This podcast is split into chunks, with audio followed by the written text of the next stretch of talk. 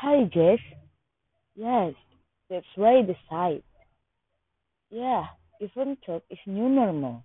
There are still many people who are still affected by this coronavirus.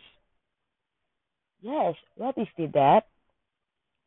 Oh, I see, but still I'm afraid I will get infected. Is there any way to avoid coronavirus? Oh, yeah, the government is also suggesting us to use social distancing.